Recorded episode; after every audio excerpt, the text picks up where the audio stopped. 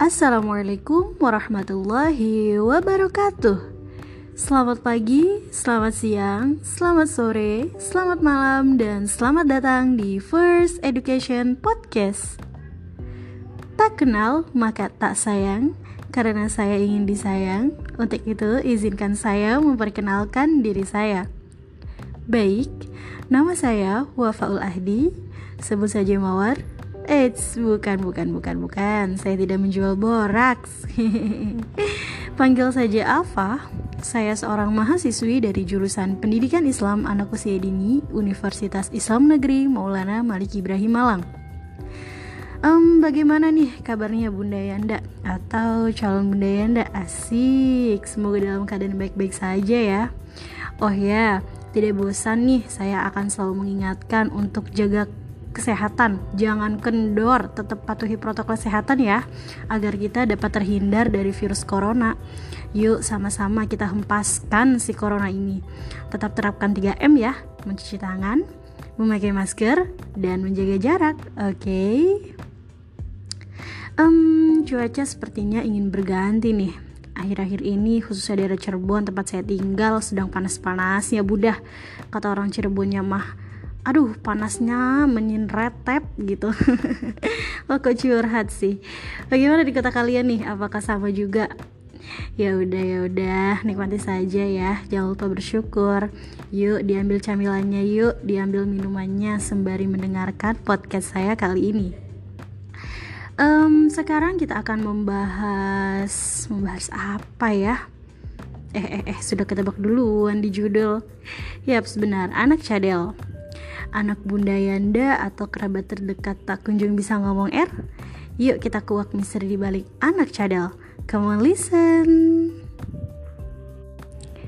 Mendengar kata cadel, kayaknya ada berita-berita yang menggembirakan yang lagi hangat-hangatnya nih bunda sudah tahu belum bersumber dari keluarga Sultan Andara sudah tahu bukan siapa lagi kalau bukan AA Rafathar Bila di usia balita, Arafatar masih belum fasih mengucapkan huruf R seperti anak-anak yang lain, kini sudah bisa loh menyebutkannya secara jelas lewat percobaannya dengan melafalkan kata mie goreng.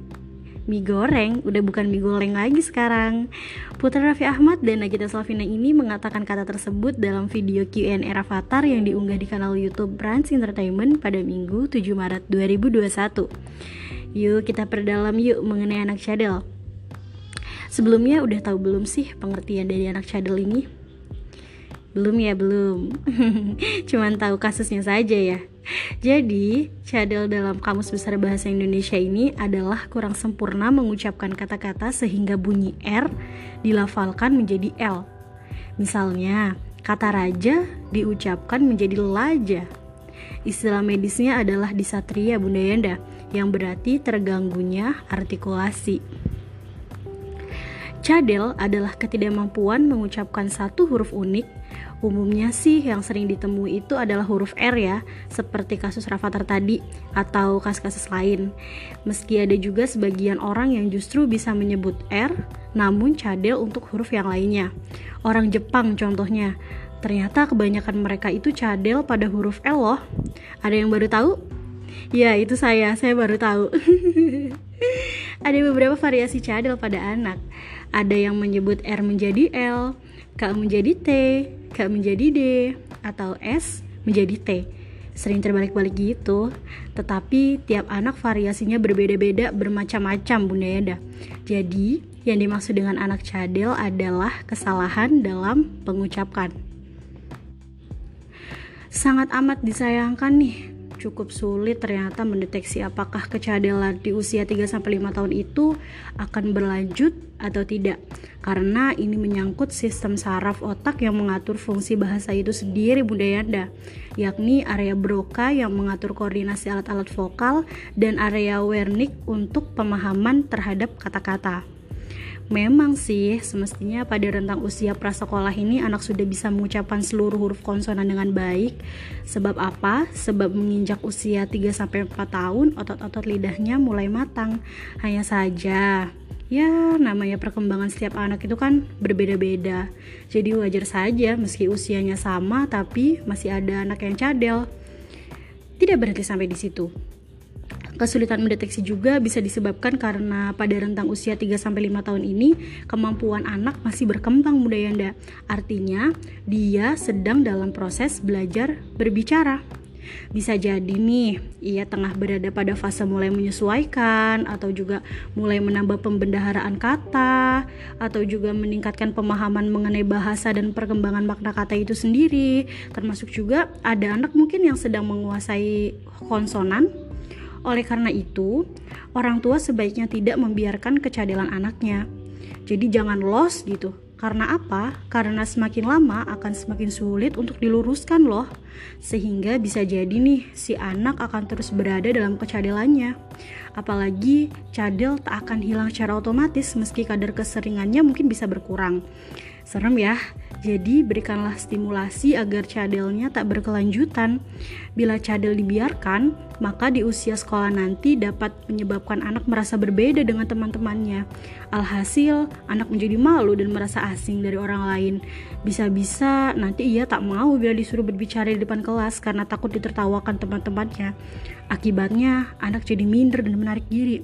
Atau bahasa gaulnya sekarang mah, itu loh insecure insecure nah itu serem bukan lalu lalu apa sih penyebabnya jadi, penyebab berbicara cadel, terkhusus yang sulit melafalkan huruf R ini, bisa disebabkan karena beberapa faktor yang mempengaruhi. Yang pertama, faktor lingkungan. Faktor lingkungan ini bisa disebabkan karena kondisi keluarga pada tahap perkembangan sang anak berinteraksi dengan cara berbicara cadel Ayo siapa nih yang begini? Kebiasaan mengajari anak berinteraksi seperti ini yang kemudian menjadi kebiasaan loh Bunda Yanda. Mungkin orang tua beranggapan bahwa anaknya masih dini belum bisa berbicara L. Jadi biar unyu-unyu gitu kan dicadil-cadilkan padahal kebiasaan itu sangat tetot Bunda Yanda, sangat salah karena nanti itu akan menjadi kebiasaan. Hati-hati loh ya. Namun, penyebab dalam kategori ini masih bisa diatasi kok dengan cara orang tua harus menuntun anak melafalkan ucapannya dengan benar. Orang tua harus rus-rus menghentikan kebiasaan berkata cadel dan orang tua harus mengajak anak bicara dengan bahasa yang benar jadi nggak usah diunyu-unyuin ya oke okay. kedua faktor psikologis Faktor psikologis banyak yang mengatakan bahwa kehadiran adik menyebabkan cadel karena kebiasaan meniru. Pada dasarnya itu kan anak suka meniru. Adiknya belum bisa ngomong R, jadi si kakaknya juga ikut-ikutan. Nah, bisa jadi karena itu Bunda Yanda. Hubungan keluarga yang kurang harmonis juga dapat menyebabkan cadel karena anak kurang komunikasi dengan orang tua atau dengan orang lain juga. Kemudian, faktor yang ketiga adalah faktor kesehatan. Faktor kesehatan Faktor kesehatan ini bisa terjadi karena gangguan pada mulut atau bisa juga karena keterlambatan bicara dan pendengaran serta gen yang dapat menurun ke anaknya. Faktor ini nih Bunda yang sering terjadi kalau kita menemui kerabat kita yang sudah besar tetapi masih cadel karena gen itu sangat kuat ya Bunda Yanda. Nah, jika penyebab cadel karena faktor fisiologis itu relatif dapat diatasi tergantung kategori ringan atau masuk ke dalam kategori berat. Apabila masuk ke dalam kategori berat, penyakitnya maka bisa jadi cadel itu akan menetap, tetapi sebaliknya apabila masih tergolong ringan, maka cadelnya pun bisa jadi tidak akan menetap. Kemudian yang keempat, penggunaan dot atau empeng. Waduh, hati-hati nih Bunda Yanda yang membiarkan sang buah hati terlena dengan dot karena dot ternyata memiliki dampak yang tidak baik untuk si kecil. Menggunakan dot terlalu lama bisa membuat anak mengalami cadel karena si lidah terdorong ke depan yang kemudian berada di antara gigi-giginya. Kondisi ini bisa membuat anak tidak jelas ketika mengucapkan huruf S dan huruf Z karena si lidah itu tergigit. Hayo, siapa nih yang masih begini? Yuk perbaiki kebiasaan demikian sebelum terlambat.